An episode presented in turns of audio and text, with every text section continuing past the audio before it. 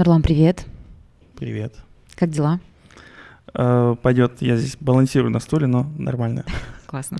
Я думаю, уже привык. Да. Окей, хорошо. Добро пожаловать на наш подкаст 7010 Джит Псон, Казахша. Вот. Хочу сразу начать с темы, с темы Африки. Вот. Я знаю, что ты был в Африке не раз, а, был туристом и не туристом. Расскажи, пожалуйста, об этом поподробнее. Что ты там делал? А, какие были цели? А, В целом расскажи об этом, пожалуйста. Так, сразу в Африку, да? Да. Окей. Так, ну, э, попали мы в первый раз, попали туда случайно. То есть, если говорить о первом разе, все мы, наверное, ну как все, молодежь, наверное, не помнит, в 2010 году у нас был чемпионат мира по футболу там, да. И вот именно тогда все обратили внимание, то, что существует Африка, то, что она не такая, как нам показывают по телевизору, по новостям. Даже, скорее всего, у тебя какие-то стереотипы свои, может быть, да, в голове сейчас. И Были. да, и у нас с учениками в классе был такой принцип, назывался why not? Почему бы и нет? А, я их приучал всегда вот говорить, почему бы и нет. Вместо того, чтобы придумывать отмазки, чтобы что-то не делать, мы, э, застав... мы даже написали у себя в углу в классе э, фразу «why not?». И каждый раз, когда у кого-то возникала какая-нибудь crazy такая идея, uh-huh. вместо того, чтобы, опять же, вот говорить, типа, ой, зачем, а, люди смотрели в этот уголок, why not, и, и если нету реальных причин не поехать там или не, не сделать что-то, то мы это делали. Круто. А, и вот однажды мы сидим и общаемся, и обычно у нас как дети, ну, кто может себе позволить, они едут э, на летние школы в Англию, в Америку, и, там, в Европу, на Мальту и так далее, да. А, и вот сидели, общались как-то, кто куда ездил, кто где был, кто куда хотел ездить, поехать. И один из э, учеников, один из таких самых э, обезбашенных да, учеников, угу. он предложил, давайте поехали в Африку. Как раз вот после... Ни с того, ни с сего. Да, как раз вот после чемпионата мира просто вот люди, Африка у, у людей была на устах. И он предложил, давайте поедем в Африку. Угу. Я только хотел сказать, ну ты что, гонишь, что ли, да? А потом увидел. Да, а он так, давайте в Африку, и так смотрит в уголочек туда, ну, на войну. И я так сижу и действительно начал думать, ну, почему бы нет? Да, есть реальные причины не поехать туда с детьми. Да, вроде нет. Собрались, собрали родителей. Угу. Я помню, тогда еще в качестве 360p да, видео, на, на тот момент это было крутое качество. Да-да-да. А, качал там а, видео в YouTube, в YouTube того времени. И показал им, что такое вот Африка, куда мы собираемся, что это за языковая школа там и так далее. Так, мы, так у нас случилась первая поездка. То есть поехали обучать, учиться английскому языку? Да, летняя школа, ну как летняя, для нас это была зимняя, uh-huh. Потому что мы поехали в январе, а для них это была летняя, середина uh-huh. лета. летняя школа с детьми, вот две недели мы там пробыли, кажется, в То есть вы просто написали в школе и сказали, да, ну, вот это, мы из Казахстана, мы хотим да, к вам это, приехать. Это, это несложно, это очень как бы все уже продумано, все механизмы, они давно уже отработаны, просто, я же говорю, у нас это само направление очень популярное, uh-huh. ездить в Африку, да, опять же, у нас легче поехать в Англию, в Америку. Не ну, то, да. что легче, а... В Мальту. Мад... Да, или в Мальту. Это uh-huh. в моде просто было. Uh-huh. Я не знаю, как сейчас. И э, мы собрались, поехали, 14 часов перелета. Э, около 15 человек мы повезли. Круто. Э, и вот наш был первый опыт. Это Южная Африка, Кейптаун. Но э, во, по, по всему континенту в Африке есть такая, как сказать, негласная истина, что ли, что Южная Африка это еще не Африка. Это такой ага. филиал, это курортный филиал пожилых британцев, э, американцев и так далее. То есть, там действительно там как бы и Африка, и не совсем Африка. Складывать впечатление про Африку, побывав в Южной Африке, неправильно. Угу. Хотя Южная Африка это отдельный кейс. То есть, допустим, 11 официальных языков. Угу. Мы тут два никак не можем, да, нормально решить. 11 официальных языков, представь. Представляю. Они официальные. Неофициальных там сотни, то есть 11 официальных языков. А, но люди как-то уживаются. Тогда мне понравилось, как... Это, наверное, племенные, да? Есть племенные, которые вообще не считаются за языки, да, официально. Uh-huh. Но вот официальных языков 11. Мы там научились вот языку ОЗа называется, да, где ты есть звуки всякие такие, где кликаешь. тогда я вообще заинтересовался Африкой после этого. Начал читать про Африку, э, читал там всю биографию Нельсона Манделы, э, вообще как они там исторически, что у них происходило. Mm-hmm. После этого была идея уже посмотреть другие места Регионы. тоже, да. Mm-hmm.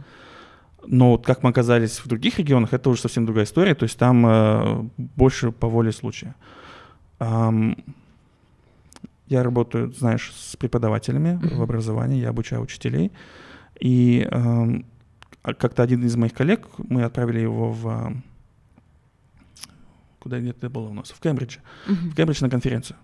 Он туда поехал от имени нашей организации. Mm-hmm.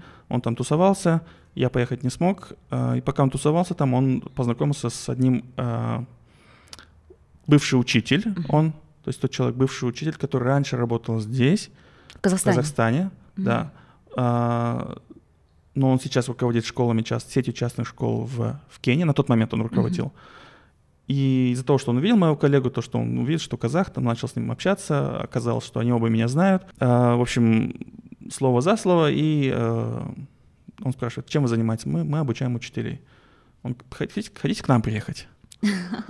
А, опять, ну, такие, ну, почему бы нет, да, давай поедем. А, оказывается, до этого, до того, как мы туда приехали, так как Кения это, ну, если так глубоко копать, то это бывшая колония Великобритании. Угу. Хотя они там стали независимы очень давно уже, но многие процессы, многие процессы в образовании до сих пор зависят от Великобритании. Угу. То есть те же самые там кембриджские системы в школах, э, система обучения учителей тоже она по Кембриджу в основном. Угу. То есть местные учителя, они не видели... То есть у них база английская? База английская, да. Угу. И они даже не представляют, что кто-то другой может приехать и обучать учителей. Okay. То есть, я не знаю, попробуй представить, ты живешь всю свою жизнь в Африке, в Кении, и тут приезжают, тут приезжают какие-то казахи, да, вот, вот так вот скажу, ага. да, с Казахстана, то есть они, многие даже не слышали, где это. Угу. Нам всегда приходится показывать сначала Россию, потом говорят, вот ниже типа, посмотрите. Кстати, да? такое часто бывает. Да, это, это в Америке часто бывает, да? Да, да, да. Особенно ты говоришь между Казахстаном, да, ой, между Россией и Китаем, и Казахстан. Ага. И вот мы поехали э, впервые, когда это было, в 2018 году, э, с группой коллег поехали, около 200 учителей там обучили, в принципе, все остались довольны. 200 учителей? Да. Танзанийские коллеги тоже решили нас позвать потом, сказали, что вы к ним только приезжайте, давайте и к нам тоже. На следующий год? На поехали. следующий год, да. Но на тот момент мы уже два раза съездили в Кению. А, поехали в Танзанию, там тоже все классно было, в Танзании тоже потом еще раз приезжали. А, там же Занзибар. Занзибар — это часть Танзании. Курортная. Курортная часть. Mm-hmm. Кто не был, советую. То есть перелет дорогой, а там уже проживание и так далее все подешевле. Ну, стоит раз в жизни видеть. Это вот реально как вот, не знаю, как на картинках, на, на открытках. Э, мы такого не видели. Круто. Ну и позже вот э, наши коллеги, как я сказал, уже были в Малавии, в, в Эфиопии. В основном это все по работе. Угу. Um, Что вы там конкретно делали? Расскажи подробнее, пожалуйста. Uh, ну, смотри, мы ездили делиться своим опытом. Uh-huh. Я работал учителем много лет, мои коллеги работали. Мы просто делились своим опытом, своими наработками какими-то, курсами. Uh, от, начиная от того, как, допустим, использовать uh, интернет-компьютер в образовании, в преподавании, да, uh, как использовать определенные какие-то методики, которые, по нашему мнению, там, являются эффективными и так далее. То есть э, мы просто делились опытом. И, кстати, наши учителя не сильно отличаются. Вот uh-huh. скажу так. То есть э, я, я даже когда здесь рассказываю, я говорю, действительно, учитель, он и в Африке учитель, там точно, точно такие же проблемы, точно такие же э, какие-то фишки, какие-то отдельные элементы. То есть мы не чувствовали себя там не своей тарелке. Uh-huh. Я научился некоторым вещам, то, как не надо делать определенные вещи. Uh-huh. А, объясню. Кения, Танзания, они очень сильно помешаны на тестах. Окей. Okay. Как у нас. Как да? у нас. Угу. Вот ЕНТ, то есть и, к сожалению, вся система образования, она заточена на то, чтобы ребенок сдал тест успешно. Угу. А на, настолько заточена, что у них вот этот пробный ЕНТ, да, примерно, условно говоря, угу. с первого класса начинается. Почти что с первого класса у них госэкзамены, какие-то тесты, какие-то там контрольные, постоянно проверяют детей и так далее. Вот вся mm-hmm. система, она заточена на это государственных школ. То есть там очень хорошие учителя, там очень хорошие, в принципе, там учебники и так далее. Но э, когда тебе с первого класса вот вдалбливают, что ты обязан сдать тест. тест. Да, и ты пытаешься научить их чему-то новому, чему-то интересному, а тебе говорят, ну, учителя, учителя сами говорят, да, окей, это классно, но нет времени на эту методику, допустим. Mm-hmm. Да, классно, вы нам показываете вот это, но у нас не всегда время есть, потому что нам нужно к тесту готовить. И э, я это беру в пример, когда я говорю здесь mm-hmm. с нашими вот какими-то decision-мейкерами, что э, если мы будем по этому пути идти, то у нас реально система образования будет э, еще хуже, чем она сейчас. Мы просто будем готовить к тестам. Это, это бессмысленно. Это, да, ну это, и это самообман. Очень... Это больше самообман. Угу. А, но а, чему мы еще научились такому позитивному? Все мы знаем фразу «акуна матата». Кто, кто помнит перевод? А, кто помнит перевод? Акуна матата. Значение не Король лев. Да, вот все мы выросли, да, на этой не фразе? помню, забыла. Я... Да. Акуна матата, помню фразу, да, а перевод не все помнят. Угу. А, переводится это м- проблем жок, то есть, знаешь, без проблем, нет проблем. Акуна это Аку. there is no, матата это problem. А, и вот да, у нас для нас это Акуна Матата, это прикольная песня из, из мультика, да? Инговы. Да. Но а, у них это реально философия жизни. То есть э, у них вот это Акуна Матата, это вот в, на уровне подсознания, не знаю, где-то там, на уровне вот всего, что ты делаешь. Там, я не знаю, сейчас разали воду, да, на тебя. Угу. И мы посмеемся и скажем Акуна Матата. Да, мы скажем Акуна Матата, мы продолжим подкаст. Угу. А, я задеваю кого-то там на, на машине, вот, въехал да, в бампер задний кому-то. Мы угу. выходим, поздороваемся, скажем, сори, акуна матата, акуна матата, и расходимся, и разъезжаемся. То есть это некая такая фраза, которая прям решает все проблемы? Да, она потому что перевод, нет проблем. Okay. И ты реально, вот многие конфликты избегаешь, а, просто используя эту фразу. Где-то мы используем акуна мзунгу, это uh-huh. а, означает... Мзунгу означает белокожий. Uh-huh. То есть это вот этот антоним того слова, где здесь используют для темнокожих, да, это вот такой типа uh-huh. белокожий. А, и мы видим, что нас пытаются, допустим, обмануть на базаре, mm-hmm. где-то завысить цену и так далее. Ты говоришь, аку нам зум. То есть я, я не белый, то есть я белый, но я не белый. Как ты не обращайся мной. Не как... тот белый, да? Да, не тот белый. Который в вашем ты... понятии. Да.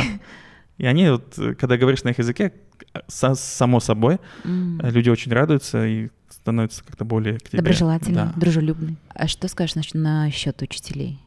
Вообще, какой у них э, социальный статус? Um, Какие привилегии? Вот сейчас будем Есть ломать стереотипы. Ага. Uh, будем ломать стереотипы, да? Два года назад есть такой, знаешь, Оскар для учителей. Слышала? Global Teacher Prize называется. Да, да. Global да, Teacher Prize — это огромный такой ивент. Со всего мира там люди участвуют, учителя. Uh, на самом, на, га, на гала вот ивенте, на, на концерте, на закрытие обычного Я, кажется, даже у тебя видела. Возможно, да. В сторис. Да, а, да, приглашают да. звезд, там, то есть мировых там угу. звезд голливудских, чтобы они вот вели этот вечер. То есть это такое внимание Специально для учителей. мирового сообщества. Только для учителей. Угу. Выбирают лучших учителей мира. Сначала со всего мира там uh, applications подают, потом угу. выбирают 50 финалистов, из них выбирают 10 финалистов, из них выбирают лучшего. И вот uh, два года назад, два года назад было или три года назад, я уже потерял свое время. Да, 19 год, да. Uh-huh. Uh, лучший учитель мира был с Кении. Uh-huh. Питер Тавичи, он как раз вот... Uh, я чуть с ним не встретился, если честно. Я был в его городе, но не в его, рядом с его городом, uh-huh. познакомился с другим финалистом. Uh, в тот год два, два учителя с Кении uh, попали вот в топ-50. Uh-huh. Из них я с одним познакомился, с ним не успел. И вот он победил, стал лучшим, а его история такая, что он с, э, с сельскими детьми делает проекты научные, с девочками в основном. То есть там та, та, та же проблема есть, что в свое время у нас была, где девочки не получали образование достаточно. И эм, он с ними делал научные проекты, они там где-то воду очищали местную, там, uh-huh. чтоб, чтобы им пить можно было, еще что-то делать. То есть они делали полезные проекты для, для общества. Uh-huh. И он э, многие вещи делал на свои деньги. То есть он жертвовал свои, своим заработком и вот покупал какие-то принадлежности, какие-то там э, аппараты, чтобы эксперименты делать и так далее. И вот звучит это классная история. Да, вот, вот в нашем контексте ты говоришь, блин, вот учитель так мало зарабатывает, а еще и на свои деньги там... Вкладывается. Да. Угу. Но, есть одно но. Э, в Кении и в Танзании учителя зарабатывают очень хорошо. Ну, это хорошо. Вот. То есть, на самом деле, если посмотреть в контексте, то это не, на, не сильно героический поступок. То есть это, это, это mm-hmm. героический поступок, это крутой поступок. Но, Для а, мирового сообщества. Да, okay. это, это классная история. Но нужно понимать, что да, он просто может себе позволить еще это сделать. Mm-hmm. То есть точно такой же поступок здесь учитель просто даже не может себе позволить сделать. Да. Мы читаем, я, я, я часто читаю там про тех же американских учителей, которые чуть ли не все на свои деньги покупают в школу. А, и на свои деньги даже возят детей там в другие страны и так далее. Uh-huh. То есть представь, они, во-первых, могут себе это позволить и это делают. А, да, это все равно крутой поступок, да, но опять же нужно смотреть вот в контексте. Ну да. А, учителя зарабатывают хорошо э, учителей, в принципе, хватает. Там, потому что зарабатывают хорошо, еще раз. Уважают. Э, уважают, более-менее, да. Опять mm-hmm. же, эта, профессия, она не считается непрестижной mm-hmm. э, в Африке. Вот. Э, но в, в то же время, допустим, там острая нехватка школ вообще. Государственных школ не хватает, поэтому там местами чаще ты видишь частные школы. То есть их больше бывает, чем государственных. Страна открыла, сказала, открывайте частную школу, кто хочет. Угу. Приехали англичане, там итальянцы, еще что-нибудь. То есть каждый приехали от, открывать частные школы. У народа есть э, возможности. возможность обучать детей в частной Опять школе. же, да, еще раз ломаем стереотип, да. А, если открыть такое же количество частных школ здесь, то у нас просто не будет столько людей, мне кажется, чтобы это все оплатить. Угу. Там, э, ну, людей много, а, б, а, там очень большой гэп между бедными и богатыми. И да, богатые люди, угу. богатые, они ужасно богатые. Ты говоришь, вот третий раз, да, ездил, и именно mm по, скажем так, повышению квалификации учителей mm вы организовывали, mm да, какие-то курсы. А чем все-таки привлекает? Так, ну, во-первых, experience, да, вот этот вот опыт Африки, то есть это, это совсем, совсем как сказать, немножко тебя э, приземляет. Заземляет? Да, заземляет mm-hmm. тебя. Mm-hmm. А, немножко заставляет тебя переосмыслить все, что происходит внутри твоей страны, в Казахстане то же самое. То есть у нас, да, у нас очень легко жаловаться на все подряд, но, да, ты смотришь, что как может быть еще хуже где-то, mm-hmm. да, допустим, в плане там каких-то социальных вещей. А, плюс, э, что еще привлекает? Ну, опыт, опять же, вот, опыт общения с людьми. А, ты видишь, что опять же, люди бывают разные, но и несмотря на это, они могут друг с другом общаться, как-то вместе работать. А, плюс есть такое понятие global citizen, да, вот, mm. глобальный гражданин, как это переводится, не знаю. Гражданин а, мира. Гражданин мира, да. Я себя так, таковым считаю. И для меня без разницы, я обучаю учителя где-нибудь там в Жанакургане или я обучаю учителя где-нибудь в Момбаса, Кения, да. Угу. То есть э, я, я чувствую, что я все равно где-то какую-то пользу там принес.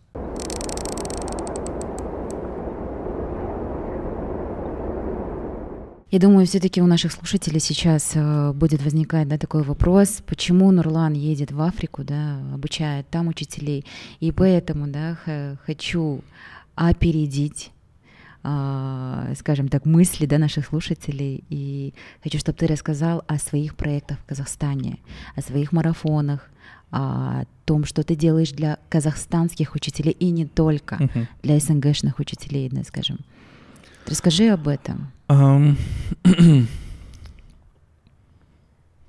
сейчас, я думаю, с чего начать просто. Uh-huh.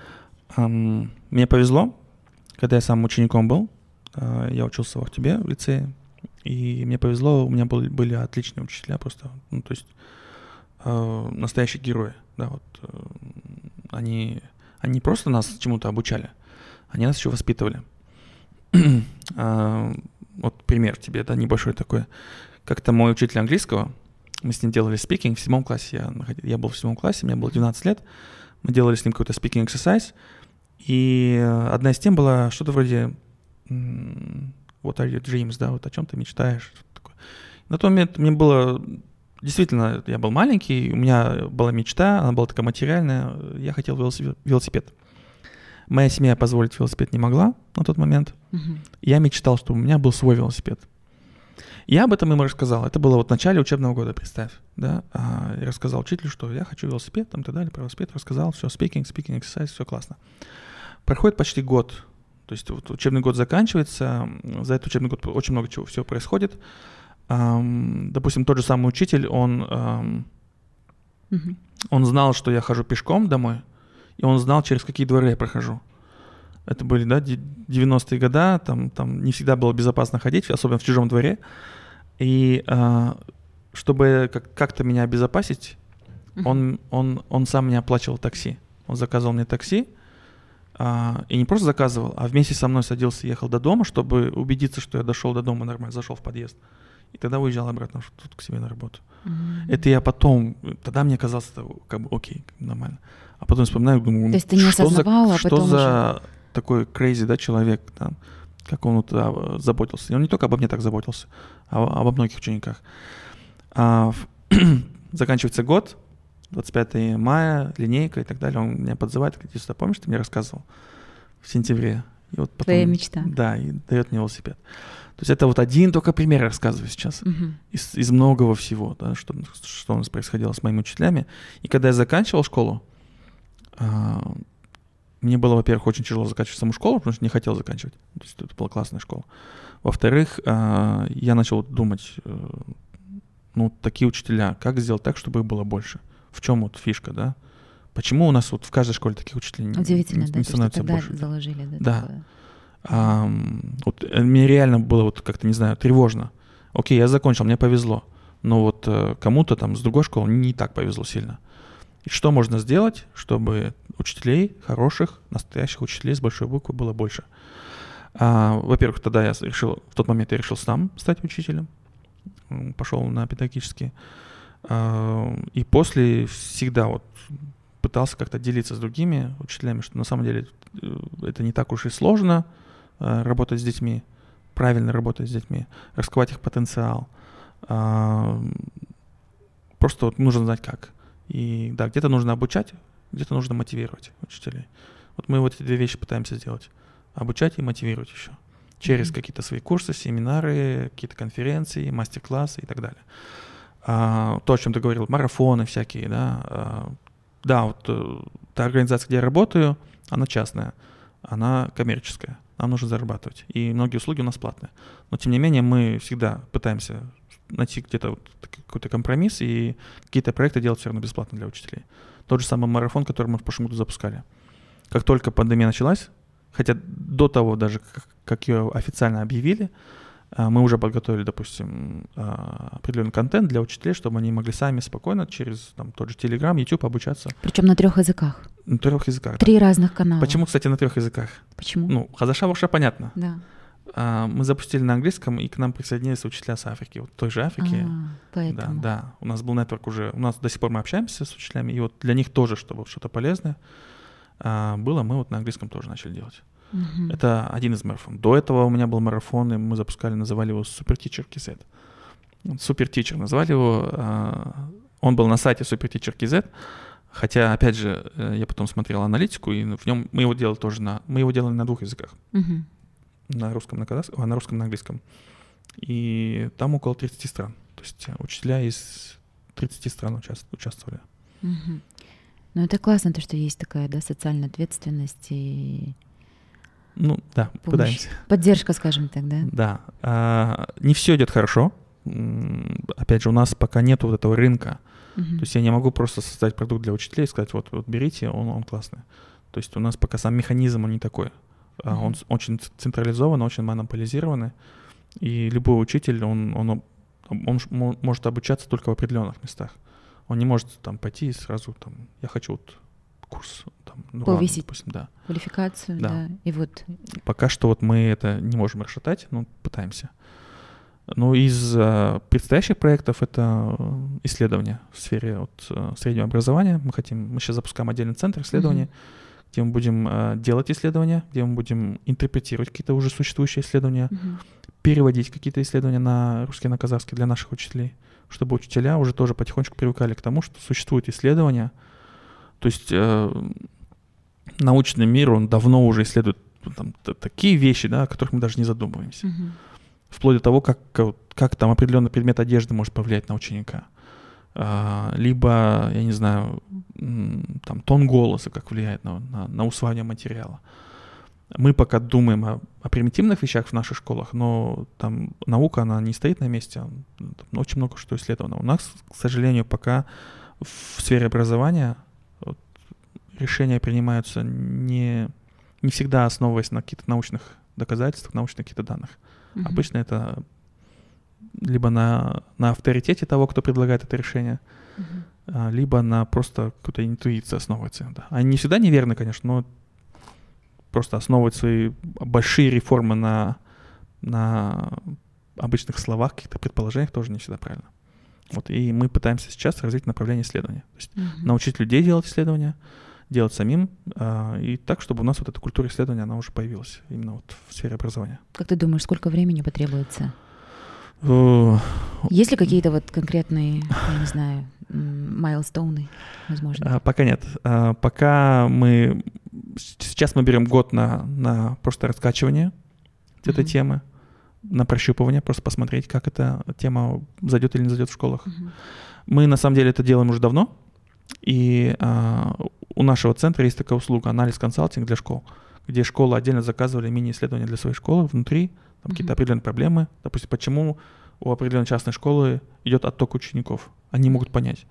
Uh-huh. Да, мы приходим с исследованием, смотрим, наблюдаем, замеряем и так далее, какие-то выводы делаем, допустим. Или как там а, как увеличить э, количество читающих детей, кто читает книги. Опять mm-hmm. же, смотрим, наблюдаем и так далее. А, мы хотим, опять же, чтобы в каждой школе это происходило, mm-hmm. чтобы учителя сами этим занимались. Вот. И... Ну, в принципе, какие-то перспективы, они есть. Пока вроде бы да. Пока да. Ну, посмотрим. Опять же, у нас очень сложно э, что-то загадывать. Прогнозировать. Наперед. Да, да, Окей. пока не попробуем, не, не, не могу сказать. А вообще вот э, качество учителей казахстанских, что ты скажешь на этот повод? Ну, я не, не берусь утверждать, я, я как бы я, я всех учителей не видел, а, всех я не оценивал, как говорится, но пока по наблюдениям личным, а я был во всех областях, э, есть только, кажется, один город, да, один город пока где я не был из крупных городов, uh-huh. э, это Тадлыкурган. Пока я вот в Талке не был еще ни разу. Uh-huh. А, так я был во всех городах крупных и не только. И наблюдал уроки, наблюдал учителей, общался с учителями и так далее.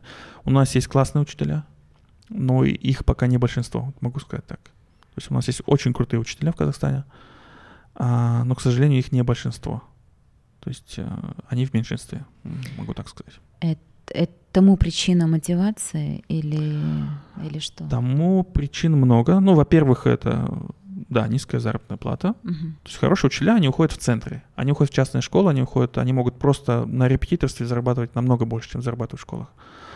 Это раз. А, два, сама система образования на самом деле не всегда требует от учителей вот эту качественной работы. То есть а, система образования из наших учителей делает исполнителей. Uh-huh. Исполнителей приказов, исполнителей каких-то реформ и так далее. Нет вот этого пространства для творчества. А это одна из причин, почему учителя уходят со школ. Если нет пространства для творчества, хорошие учителя, я имею в виду, uh-huh. а, то они уходят в другом месте, то есть ищут, ищут вот эту вот свободу в другом месте просто. И а, такая глобальная проблема для нашей страны а, сейчас это то, что мы никто не знаем, что такое на самом деле качественное образование. То есть мы еще не договорились все, что для нас, для страны, для Казахстана, для наших вот для нашего общества, что такое качественное образование. Какой-то манифест, да? Да. Угу. Какая-то вот идея, национальная идея. Угу. Вот мы вот там, ну, как раньше в советское время, что догнать, перегнать Америку, да, допустим. Угу. Американцы в свое время запустили STEM образование, чтобы э, выиграть битву за космос, да. А, у нас пока вот этого конкретного определения нету. Спроси у любого родителя в школе, что для вас качественное образование, и ты получишь у каждого разный ответ. Для одного это хорошие оценки, для другого это поступление в ВУЗ, для третьего мне главное, чтобы ПНТ сдал нормально, четвертый говорит, Аман был Сапулда. То есть у каждого свое представление. Из-за этого у каждого свое ожидание, из-за этого у нас постоянно конфликты. Потому что так как нет четкого видения общего, что бы я ни делал, кому-то это всегда понравится, а кому-то это всегда не понравится. Угу. Из-за этого учителя, опять же, стрессуют. Из-за этого ну, родители постоянно к ним какие-то претензии предъявляют. Ты можешь одно и то же, одно и то же домашнее задание задать детям. У тебя одни... Часть родителей будет говорить, почему так мало задали. Часть родителей будет говорить, почему так много задали. Опять потому что четкого ориентира нет, видишь? Mm-hmm. Вот нам нужно реально сесть всем и решить, вот что у нас вот эти вот а, конкретные какие-то вещи, вот, а, дефолт, да, вот эти вот. То есть национальная образовательная идея, да, какая-то она должна быть? Ну, что-то вроде этого. Возможно, она где-то на бумажке есть, Мгм. да. А, может быть, я не видел пока. Но, опять же, на местах, в школах, э, то, что вот, ну, реалии, они совсем не совпадают с тем, что у нас на бумажке там где-то вот наверху в кулуарах, в кулуарах министерства пишется. Где-то запылились в архивах, Может быть, да. где-то между строк. Может быть, да. Окей.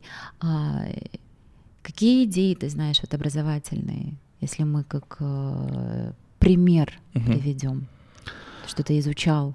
Ам, Одна идея мне очень сильно понравилась, и вот то, чему мы обучали коллег и в Казахстане, и за рубежом, это ам, идея проектного обучения, Мгм. то есть обучение на основе проектов, project-based learning. А, Она существовала на самом деле в советское время. Мгм. В советское время это было. Оно, может, называлось по-другому. А, Но бы- были учителя, которые... То есть ты не преподаешь просто предметы и темы, а ты сначала определяешь общую задачу. Вот опять же, давайте в нашей деревне, допустим, придумаем, как очистить воду. Как сделать так, чтобы можно было пить воду прямо вот из крана, допустим. Мгм. Это вот идея сначала. И вот дети, школьники вместе с учителями, они собираются и начинают вот э, эту идею развивать дальше в проект. Пока они делают этот проект, они э, изучают и физику, и химию, и биологию, и математику, там, и языки, и так далее, и так далее. Мгм. А, то есть пока ты делаешь проект, у тебя есть какая-то цель, конечный продукт, и ты знаешь, зачем тебе эта физика нужна. Мгм. Ты знаешь, что такое, зачем тебе нужно знать, что такое осмозис Мгм. допустим, да, что это не просто тема в учебнике, а что вот, если ты это узнаешь, ты сможешь завтра воду очистить Мгм. и так далее. То есть, э, в принципе, суть образования, то есть а суть э, самих предметов, она не меняется, меняется цель. То есть я преподаю тебе такую-то тему не потому, что я обязан, потому что так написано в плане, а потому что мы вместе решили очистить воду. Мы вместе решили придумать, как, увели- как уменьшить расход электричества в квартире. Это я называю пример проекта, который мы делаем с учениками Мгм. мы вместе снимали фильмы какие-то, да. Снимая фильм, ты опять же учишься там э, где-то communication, где-то как писать сценарий. А, Мы вместе записывали песни э, с детьми. А, Мы там, там, допустим, в Караганде у нас мы- мои коллеги, они придумывали протезы. Мгм. На 3D принтере они распечатали протезы для, они, настоящие протезы для настоящих детей, у которых там конечности отсу- отсутствуют, да. Мгм. То есть это настоящие вещи. И это связывает вот образование с настоящей жизнью просто. И ты знаешь, что ты не просто так все это делаешь. Мы воспитывали видеографов, да, у себя в школе. А, Потому что м, это круто. То есть да, не, не всем быть нефтяниками там и президентами. То есть э, это тоже творчество. Я горжусь своими учениками, да, постоянно рассказываю всем, а, которые занимаются вот так- такими не, не мейнстримскими вещами. Мгм. Да, а, во многих крупных проектах каких-то или там, я просто сейчас называть не буду имена, Мгм. а, чтобы они тоже не зазнавались. Но да, я горжусь там тем, что один из моих учеников, он, он допустим, а, как-то в седьмом классе признался, что он любит готовить. Мгм. Мальчик. Над ним все посмеялись. И когда мы говорили о, о мечтах, он говорит, я мечтаю стать поваром. Его обсмеяли, а, но он не сдался. А, На тот момент тогда у него еще тогда смартфонов не было, у него был Nokia с фотоаппаратом. Он дома делал всякие салатики, фотографировал на Nokia, приносил в школу и показывал мне. Мгм. Сейчас я шучу, лучше бы он сам салат приносил тогда, да? Но, а, окей, показывал, я ему давал, он сказал, о, прикольно, классно и так далее. И он, ну, он шаг за шагом к своей мечте шел. Поступил на hospitality management, где-то в Швейцарии оту- отучился. Еще не закончив вуз, он уже э, стал менеджером в одной из э, крупных сетей отелей по миру. И вот занимается сейчас любимым делом. Приезжал, рассказывал, на- насколько это интересно. Именно вот этот вот отельный бизнес, там, как они все это изучали. То есть, э, возвращаясь к вот этой методике, а, у нее одно название Project-Based Learning, PBL. Если ее правильно применять, если ее правильно использовать, то, мне кажется, наше образование можно будет спасти. Тогда мы уже будем основывать образование на реальных проблемах нашего общества. То есть, э, А не на чем-то выдуманном. да? а не на чем-то выдуманном, да, не, Мгм. не на чем-то гипотетическом. Ам, Эта идея, одни из таких э, современных, таких скажу, пионеров этой идеи, это школа High Tech High в, в Калифорнии Мгм. где предприниматели открыли школу сами, она бесплатная для всех. Если есть места, туда принимают без экзаменов. А, и там вот все образование, вся школа, она на этом основана. Мгм. Да. А, Кстати, вот про эту школу я часто читал а, в разных книгах, очень крутых там про образование. Ты там был? Да. Вот э, а, как я там был, я тебе расскажу. Я везде читал про нее, она для меня такая крутая школа, я мечтал в нее попасть. Однажды я поехал на конференцию в Америку, я забыл, что эта школа находится в этом городе, Сан-Диего, Калифорния. А, я забыл, что эта школа там, просто забыл. Я поехал на конференцию, как-то проголодался очень сильно. Я еще один туда поехал. А, И на голодный желудок вспомнил. В отеле, нет, нет, в отеле, в отеле кушать дорого. Ага. Я открываю Google Maps, смотрю, там ближайший магазин, а, беру на прокат велосипед, как, вот, как у нас Байк, да, сажусь Мгм. на него, еду. И я смотрю на карту просто маршрут и отслеживаю свой маршрут. И смотрю, рядом с, с магазином находится школа Хай-Тек Хай. Мгм. Я вспоминаю, я говорю, блин, Хай-Тек Хай же здесь есть. Звоню им в эту школу.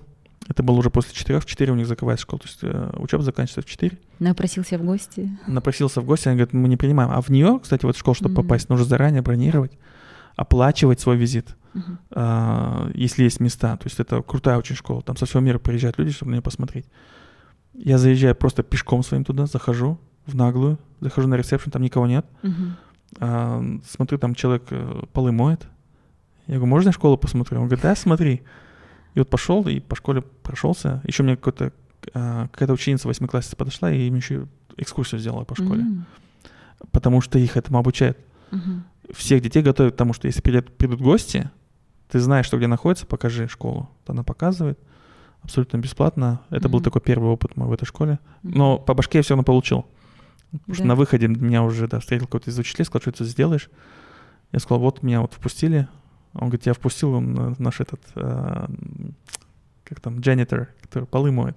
Мгм. А, но в следующий мой визит был уже официальный. То есть, Туда я- же? Да, туда же, в эту же школу, Мгм. когда мы уже списались заранее, все организовали. Туда мы, кстати, отправляли своих учителей из Казахстана тоже, чтобы они там э, обмен опытом, то есть э, обмен- обменивались опытом с учителями. Классно. Ам, и, насколько я знаю, у нас в Алмате есть теперь школа, тоже так и называется, Hightech Academy, которая вот э, по методике PBL преподает. Супер. Но они не единственные, то есть есть еще Мгм. школы в Казахстане, которые эту методику применяют. А, Нурлан, я еще хочу поговорить о финском образовании. То есть я знаю, ты ездил туда по своей инициативе, изучал, да, вот э, финское образование, да, систему образования. Какое оно? Что ты для себя отметил оттуда? А, То есть мы все, да, можем погуглить, посмотреть. а, но- И найдете очень много мифов. Да, возможно. Очень много мифов, очень много э, таких э, не очень правильных представлений, Мгм, слишком идеализированных, да.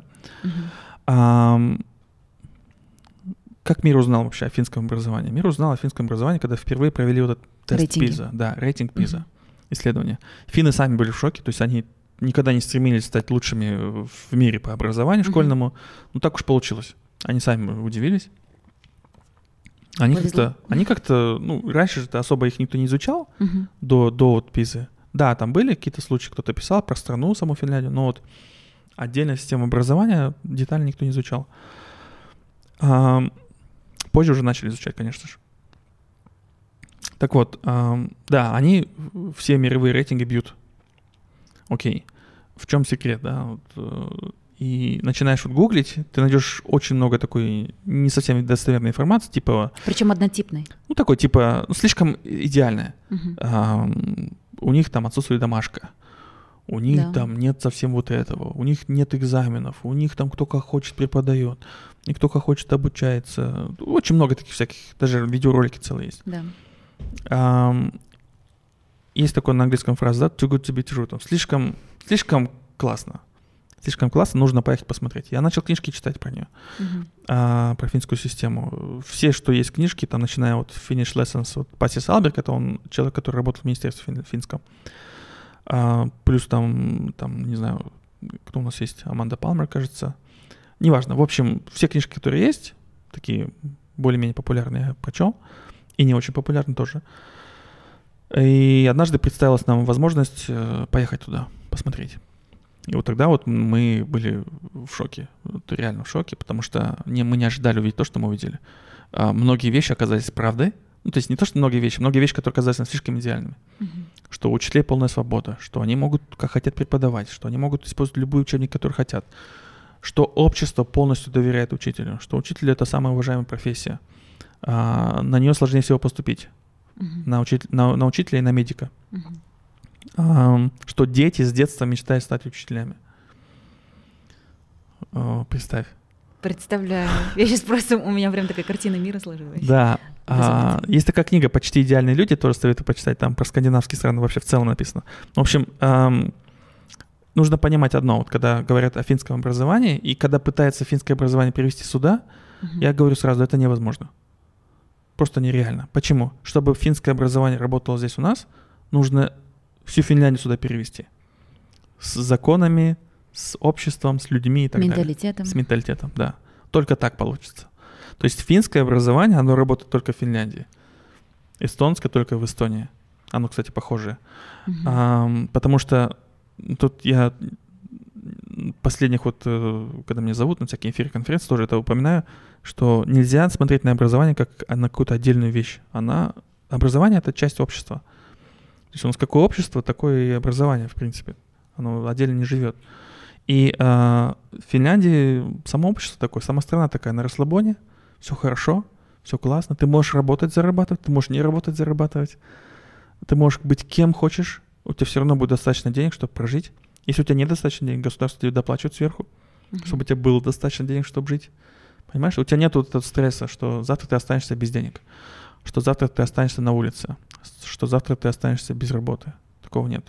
А, представь, вот этого стресса нет вообще.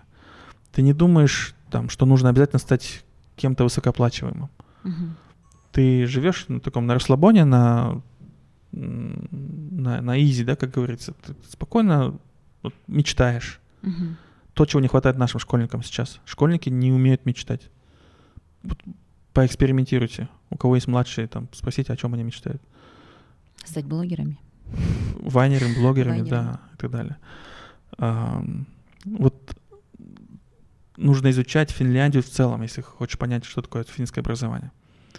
И когда ты начинаешь изучать, ты видишь, что то, к чему они пришли сейчас, а, это результат того, что они сделали лет 50-60 назад.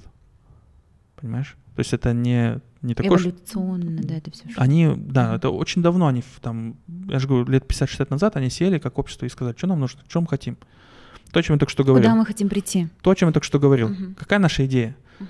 Что у нас есть? Нефть есть? Нет. Что у нас есть? Какие-то ресурсы там? Нет. Армия? Нет. Что есть? Там 4 миллиона народа. Маленькая страна, ну, как Актибинская область, кажется, да, uh-huh. по размеру. и они говорят, давайте в людей вкладываться. Давайте людей нормальных воспитаем, конкретных, четких, таких счастливых, самодостаточных, которые могут там, как сказать, самоуверенных, которые в себя верят, которые могут что-то в общество дать и так далее. И вот они тогда начали это делать, реформу. Шаг за шагом потихонечку выстраивают систему. И угу. плоды они вот, плоды это приносят сейчас. только сейчас, да, угу. вот в наше время. Это я к чему говорю? Если мы хотим чего-то добиться, у нас народ же очень нетерпеливый. А, каждый год мы видим, как народ критикует реформу в образовании. Угу. Критиковать легко. А, почему мы критикуем? Потому что мы сразу ждем результата. Да, вот реформы мы там трехязычие несколько лет назад запустили, мы уже ждем, чтобы сейчас у нас дети на трех языках, на английском свободно. особенно свободно говорили. Да, это нереально. Um, обновленное образование, да, обновленное содержание образования, сейчас обновленка называется, запустили, уже сейчас ждут результаты. Нет, их нужно позже ждать. И я переживаю, я боюсь, что, скорее всего, мы не дождемся результатов и опять отменим эти реформы и еще запустим новые. Вот так у нас и Итак, новое штормит. на новом, и того у нас нету, да, вот этого да. цикла. И вот штормит наше образование из этих реформ поэтому, что мы слишком быстро ждем результата, мы нетерпеливые.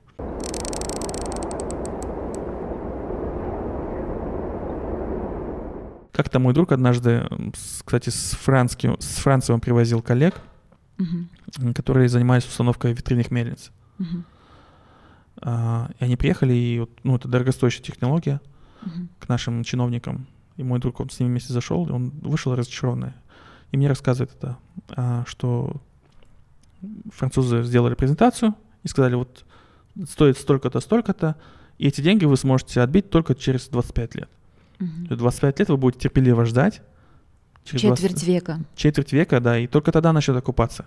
Угу. Наши чиновники отказались, они сказали, нет, что-то долго ждать. Ну да, есть же долгосрочные да, какие-то мы, перспективы, есть да. краткосрочные. Они, и, они же понимают, кажется, что... Наш менталитет не привык. Да, они же понимают, что через 25 лет ни одного из них на этом месте не будет. Угу. Это, это уже, то есть они, для них и след это... простыл. Да. А им нужно же как бы сейчас и сразу заработать там, на этом проекте. И вот, вот так вот отказались от очень классного проекта по ветряным мельницам.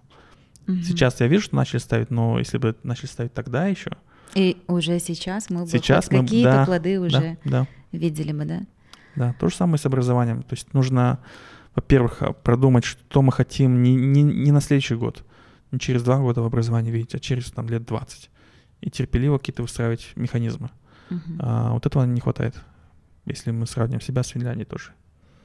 Угу. Я просто сама сейчас задумалась, я сама, в принципе, работаю в сфере образования, да, а, частично совмещаю. Вот. И действительно, очень много проблем. А, то, что сейчас наше Министерство образования да, затрагивает а, темы статуса, повышения статуса учителей, угу. а, насколько оно может дать, да, повлиять да, позитивно на дальнейшую да, судьбу казахстанского образовательного. Так, ну, эм, я не знаю, если это вселит какую-то уверенность учителям, угу. то, может быть, да, плюсы будут. Я, я лично не то чтобы не радуюсь этой реформе, то есть это вот повышение статуса педагога, да, потому что статус педагога его искусственно повысить, мне кажется, нельзя. Угу. А вот, допустим, у нас же полицейских не уважают в стране угу. особо, да, будем честны. Представь, вот завтра выпустят закон, закон о статусе полицейского. Начнем ли мы их уважать больше? Нет. Ну, то есть общество, я-то их уважаю. Общество начнет ли их уважать? Начнет ли здороваться на улице, нет. там, останавливаться, там, не знаю, кофе предлагать? А, нет. То есть искусственно его не повысить. Пока сами полицейские не начнут себя нормально вести, там, не брать взятки, не требовать взятки. И, ну, я в Астане, в принципе, это замечаю. То есть у меня, слава богу, таких негативных, uh-huh. негативного опыта с полицейскими не было, да, в принципе. Но я замечал это в других областях, когда я был где тебя просто так могут остановить на машине, и ты едешь там, или еще что-нибудь. Пока, мне кажется, там полицейские начнут нормально делать свою работу, просто по-человечески, их никто уважать так и не будет, да, то есть то же самое касается, касается учителей.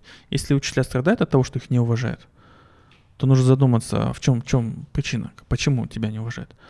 А, я не виню сейчас учителей, но ну, все равно я говорю, есть учителя, которые сами виноваты, которые плохо делают свою работу, а, которые там не ответственно относятся ко всему, что они делают с детьми, с учениками, с родителями и так далее. А, Обратная сторона монеты, да? Да, да. Угу. И просто сидеть ждать, что вот, вот вышел закон, теперь меня начнут уважать, нет. Никто же не будет в кармане с этим законом ходить, и там, если меня оскорбит ученик, я скажу, смотри, закон смотри. есть, да. Никто так не будет делать, да, понятное же дело. А, поэтому дело даже не в законе, но одну вещь я приветствую, да, это просто повышение зарплаты. Такое конкретное повышение зарплаты, существенное. Чтобы возникла конкуренция за места в школах, чтобы директора могли искать хороших учителей, чтобы ну, такой возник какой-то не, не то чтобы рынок, а как сказать, ну чтобы оно, чтобы это место было ценное, чтобы учителя работали вот пытаясь сохранить это место, зная, что они могут его потерять, если будут плохо работать. Возвращаемся в Финляндию. Угу. Финляндии, а, ну понятно, там зарплата у всех нормальная. И дело не в зарплате, а дело в том, что общество Финляндии предложило учителям такую очень, а, очень дорогую валюту. И не деньги, а доверие. Они так и называют. Самая, самая дорогая валюта — это доверие. Его заработать очень сложно. И если ты его потеряешь, ты его обратно вернуть тоже не сможешь почти что. И когда мы спрашиваем учителей в Финляндии, вот что вас мотивирует работать? Почему вы работаете очень хорошо? Почему вот просто не заполняете бумажки, там на галочки не ставите не идете домой? Они говорят, если я потеряю доверие вот у родителей, они же мне доверили своих детей, uh-huh. мне Финляндия доверила своих детей. Uh-huh. Если я потеряю доверие, то завтра я окажусь на улице, и мне никто не, не, может, не предложит работу, не только учителем, вообще где-нибудь еще. И вот это вот взаимодоверие у них, э, оно очень сильно работает. А, прилетаем обратно в Казахстан. Сама знаешь, как у нас с доверием да, друг к другу. У нас почему мы вот э, я не знаю даже, как, какой пример дать. Когда дома люди частные строят, они обязательно огораживаются забором. Почему? Недоверие. Да, то есть мы, мы постоянно друг другу не доверяем. Uh, у нас очень большая проблема везде, вот, на, на всех слоях с доверием друг к другу. Uh, у нас люди не вакцинируются не потому, что даже там, э, там заядлый антиваксер, просто не доверяют нашей вакцине, не доверяют нашим врачам, не доверяют там государству и так далее. То есть у нас вот эта вот проблема с доверием, мне кажется, нужно за это взяться очень сильно всем, кто с этим связан, uh, чтобы какие-то механизмы, опять же, наладить, э, чтобы работало что у нас. Uh-huh. Не только в образовании, я говорю, вообще. Uh-huh. Um, вот. Это я... Как, как, с какого вопроса мы туда уехали? Опять я уже не помню. Да. Да мы связываем и с Финляндией в целом с образованием. Нет, а мы, как... мы начали со статуса, закона а, статуса, статуса, да. да. Закон статусе. Закон о статусе. И эм, вот, опять же, как, если нас сейчас учителя слушают, то я уверен, что они сами понимают, что если ты крутой профессионал, если ты четко работаешь с детьми, если ты реально их чему-то обучаешь, раскрываешь в них какой-то потенциал и так далее, то ни один родитель тебя не будет не уважать, он по-любому тебя будет уважать. И общество, я заметил, что, ну, допустим, у меня с уважением проблем не было никогда. А, когда меня спрашивают, кто ты такой, я представляю, что я учитель, всегда, с гордостью. А, потому что мне не стыдно за свою работу. Вот, э, и мне кажется, учителя поймут, те учителя, которым не стыдно за свою работу, они, у них проблем с э, уважением и так далее нет. Единственное мне неуважение, которое они испытывают, это опять же в зарплате. Ну, то, да. как оценивается их труд. Да. Но мне кажется, все-таки сейчас идет такая тенденция, что а, быть учителем это не, не стыдно. То есть это наоборот, можно гордиться этим. Да. То есть есть конкретные личности, появляются именно личности, да, которые, возможно, своими поступками влюбляют да, в эту профессию. Да, да. А, благодаря им начинают уважать эту профессию. То есть, по крайней мере, я, когда смотрю вокруг и вижу, что вокруг меня есть такие классные, крутые учителя, а, действительно появляется какая-то мотивация, да. Ну, вот, и ты веришь уже, что... Возвращаясь, да, к моей истории, да, я, я увидел перед собой настоящих крутых учителей, мне захотелось стать учителем. Сейчас у нас появилось больше инструментов, да. Mm-hmm. Тот же Улан, он его весь Казахстан знает, хотя да, он, он да, находится в одном, в одном городе всего mm-hmm. лишь. Сейчас уже есть инструменты, как ты говоришь правильно, то есть правильные вещи показывать, какой-то вот этот spotlight этот, который показывает, да. Смотрите, есть вот такие-то учителя. Но он же работает и в обратную сторону. Мы, когда я, когда я обучался на магистратуре, у uh-huh. нас одна из тем была имидж учителя в обществе. Uh-huh. И когда ты гуглишь в новостях вот, а, новости про учителей, у нас сейчас возникают новости про детей. То есть такой-то ребенок там поступил туда-то, такой-то ребенок поступил там в Гарвард или там придумал какой-то... Получил там, там этот... 10 приглашений с американского вот, вот. вуза. Ага. А, и можешь сама посмотреть, где там пишут про их учителей, которые готовили. А, у нас там такие-то дети завоевали медали там-то, там-то, на какой-то олимпиаде международной. Где пишут про учителей? Нет. Кто стоит за этим? Ты гуглишь, гуглишь учителей вот в новостях, и ты видишь, учитель там-то избил ученика, учитель там-то подрался, там-то учитель там поймался на взятке, там-то учитель... Потому что эти новости, новости-то они вкуснее для, для читателей. Кликбейт. А, кликбейт, да. Угу. И, к сожалению, формируется негативный э, имидж учителей. Мы об этом вот реально, мы, мы вот сидели и изучали, какие чаще всего новости появляются про учителей. Учитель Интересно. чего-то добился, угу. про это не пишут. Учитель где-то накосячил. Сразу. Обязательно. Везде. Разлетается везде, с да. скоростью света. Ага. И, к сожалению, пишут, вот именно пишут, не просто пишут, гражданин Талдыкургана сделал что-то там. А учитель. И, а учитель пишут, да. да. Хотя, опять же, если парикмахер что-то сделает, или там, я не знаю, кто-то сбил там на машине там, человека, да, допустим, то редко пишут его профессию. Да. Обрати внимание. Но если это учитель, ой бай, то есть там сразу начинает раздувать. Ну, да? потому что статус, опять-таки, да. Да, статус поэтому, а, да, здесь нужно опять же задумываться об этих механизмах. А, если есть учителя, которым есть что показать, uh-huh. такие как Улан Усенов, как Аяш Мирзабекова, да, у нас в. В, сейчас она в Бурабай работает. То есть им есть что чем поделиться, они показывают, и вот реально досмотришь, и охота стать учителем для таких людей. А, со стороны там тех же новостников и кто там новостями занимается, далее, тоже задуматься. Если они в этом участвуют, а, помнишь, я сказал еще раз, если это будет национальная идея у нас да. поднятие образования, тогда и там там, и, и всякие новостные порталы будут чаще об этом писать. И люди будут, будут об этом чаще говорить, где-то политики будут об этом выступать, я не знаю. Ну, то есть это можно сделать на самом деле, если мы все захотим. Но хотим ли мы все этого, кроме уч- учителей? Вот кто хочет поднять статус уч- учителей, кроме самих учителей? Кто в этом заинтересован? Нужно будет задуматься. Это нужно массово. Да. Хотеть и делать это. Да. А, Нурлан, в принципе, у меня очень много вопросов, но у нас э, есть лимитированное время. А насколько, то есть сейчас технологии развиваются, и насколько uh-huh. технологии, искусственный интеллект может отодвинуть да, учителя, педагога, заменить его? Когда он научится давать обратную связь, uh-huh. когда он научится читать, допустим, какое-нибудь эссе, произведение ребенка, или послушав его речь, uh-huh. и научится давать фидбэк, научится вдохновлять и мотивировать, только тогда он сможет заменить. Но он навряд ли это сможет сделать. Вот, вот и все. Вот сейчас роль учителя поменялась, очень сильно поменялась. Не все учителя еще до этого дошли, кстати. А, что учитель, он больше же не источник информации, uh-huh. он не источник знания, он не обязан все знать. А, направлять, направлять, мотивировать. Да, вот две вещи: направлять, мотивировать. Угу. Если сам не знаешь, покажи, где можно узнать. Ты не обязан, то, то есть, это уже все уже. Википедия есть, Google есть, YouTube есть. А, какую-то тему объяснить, YouTube может там в YouTube наберешь Хан Академи, да, какой-нибудь там, там, там намного лучше ролики угу. объясняют, чем ты можешь объяснить, как учитель. Но как учитель ты можешь реально посмотреть на работу ребенка, и сказать, вот это классно, вот здесь нужно так исправить, вот здесь лучше вот так сделать. Я вижу в тебе потенциал, ты можешь вот это, давай вот это попробуем сделать.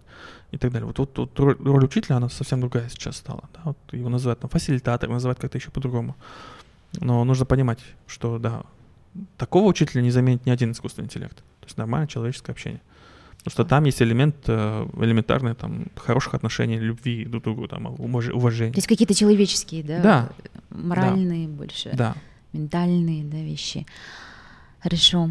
А, я бы еще хотела затронуть тему. А, Все-таки, да, в период, скажем так, казах, казахского просвещения, uh-huh. да, в период Алаш а, ординцев, да, то есть тоже затрагивали именно тему педагогики, uh-huh. обучения. В какой-то мере это был период просвещения. Что ты думаешь на этот повод? Потому что тогда начали наши поэты а, интегрировать, да, интегрироваться, да, скажем, угу. в педагогику. То есть, и что из этого вышло? Так, э, ну, я тебе до этого говорил тоже, что я сейчас сильно глубоко не буду входить, угу. потому что я могу начать критиковать некоторые вещи, угу. а это не всем понравится. Нужно понимать одну вещь. Допустим, есть люди у нас, которые хвалят советское образование, да? Говорят, советское образование самое лучшее в мире. Но до сих пор это говорят. Говорят, да. да. И доля правды в этом есть, но есть одно но. Советское образование, оно было классное для советского общества. То есть mm-hmm. оно реально выполняло функции э, и задачи, которые возлагало советское государство, советская власть на образование. Нужно было воспитать таких-то, таких-то людей, и они это делали. Как раз-таки тогда была идея. Вот, вот, вот. Да. Вот, вот, была идея. Uh-huh. А, времена, во времена Алашуринцев была идея, к этой идее да, а, под эту идею подстраивалась педагогика. То есть uh-huh. идея какая? Нам нужны такие-то, такие-то люди.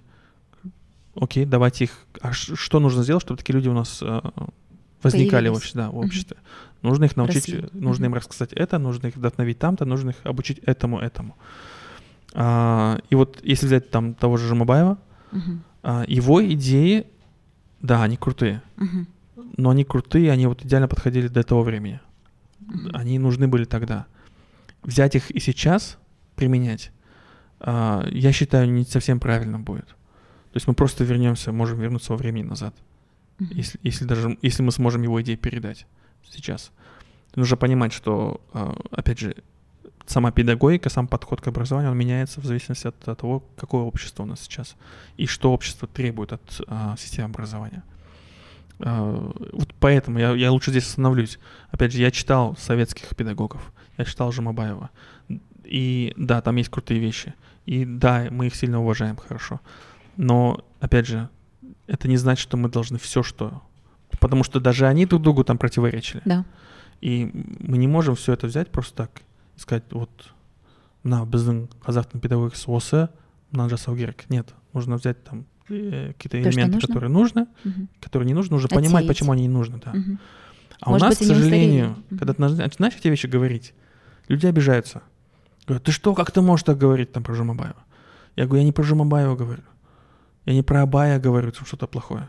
А, Я могу критиковать отдельные элементы из тех идей, потому что некоторые идеи устаревают, некоторые идеи просто теряют актуальность. Может быть, они будут актуальны еще раз там где-нибудь через там, сколько-то лет, не знаю. Но пока сейчас некоторые вещи нет. А, Сухомлинский, там, Макаренко и так далее. У них очень крутые вещи были, на самом деле. Мгм. Но нужно понимать, что не все из того, что они говорили и делали, является истинной, правдой и идеальным там, а, олицетворением педагогики. Вот. А, недавно я закончил книжку про все философии мира, Мгм. да, начиная от буддизма до там, современных каких-то вещей. А, и в основе всех всегда было воспитание нормального, хорошего человека. Мгм. И они просто каждый определяли, что такое хороший человек, что такое нормальный человек. И везде была ам, одна такая, один столб отдельный, это полезность обществу. То есть Кемель Адам, вот, вот это, а, у Абая есть, да, Кемель Адам. Мгм. Э, вот у всех было определение вот этого Кеме- Ке- Кемель Адам. То есть кто такой целостный, настоящий человек, полный, который все уже, вот, ну, ты человек, Дирин Мгм. а, что можно назвать человека человеком. А, у многих вот философия есть такая, да, ты можешь быть крутым, там, умным, не знаю, начитанным, образованным, э, умелым, там, уметь что-то делать, но пока от тебя пользы обществу нет, ты еще не достиг вот этого вот нирваны вот этой. Мгм. А, я смотрю, у многих общее это польза обществу. Вот и все. А учитель как раз именно тот человек, Да. который приносит пользу. да. Ну, опять же, нам нужно наладить механизм, чтобы общество это тоже понимало, И была отдача. Да, и вот общество могло говорить, нам нужны такие-то люди. Дайте нам, пожалуйста, этих людей. Напоследок скажу, пока у нас очень много всего неопределенного образования, Мгм. есть одна вещь, которую мы, которая точно не помешает всем учителям. Мгм. Это начать читать книги. Вот и все. То есть книги не только по педагогике, а по психологии, по, даже где-то по маркетингу, где-то просто художественно. Нашим учителям, да, которые сейчас слушают, Да. я очень надеюсь, что казахстанские учителя послушают этот подкаст, посмотрят. И Да. что ты им посоветуешь, да, почитать? А, ну, начать можно, начать можно с а, книги «Гибкое сознание» Кэрол Дуэк. Она про то, что нельзя ставить крест ни на одном ребенке, что любой человек, он может развиваться, если он правильно приложит усилия и правильно определит, в чем он будет развиваться, то он может развиваться. То есть человек обучаем Мгм. всегда, независимо от возраста. А, нет такого понятия, как там тупой ребенок, допустим. Нет. Если у него реально каких-то там отклонений нет физических и умственных, то он обучаем.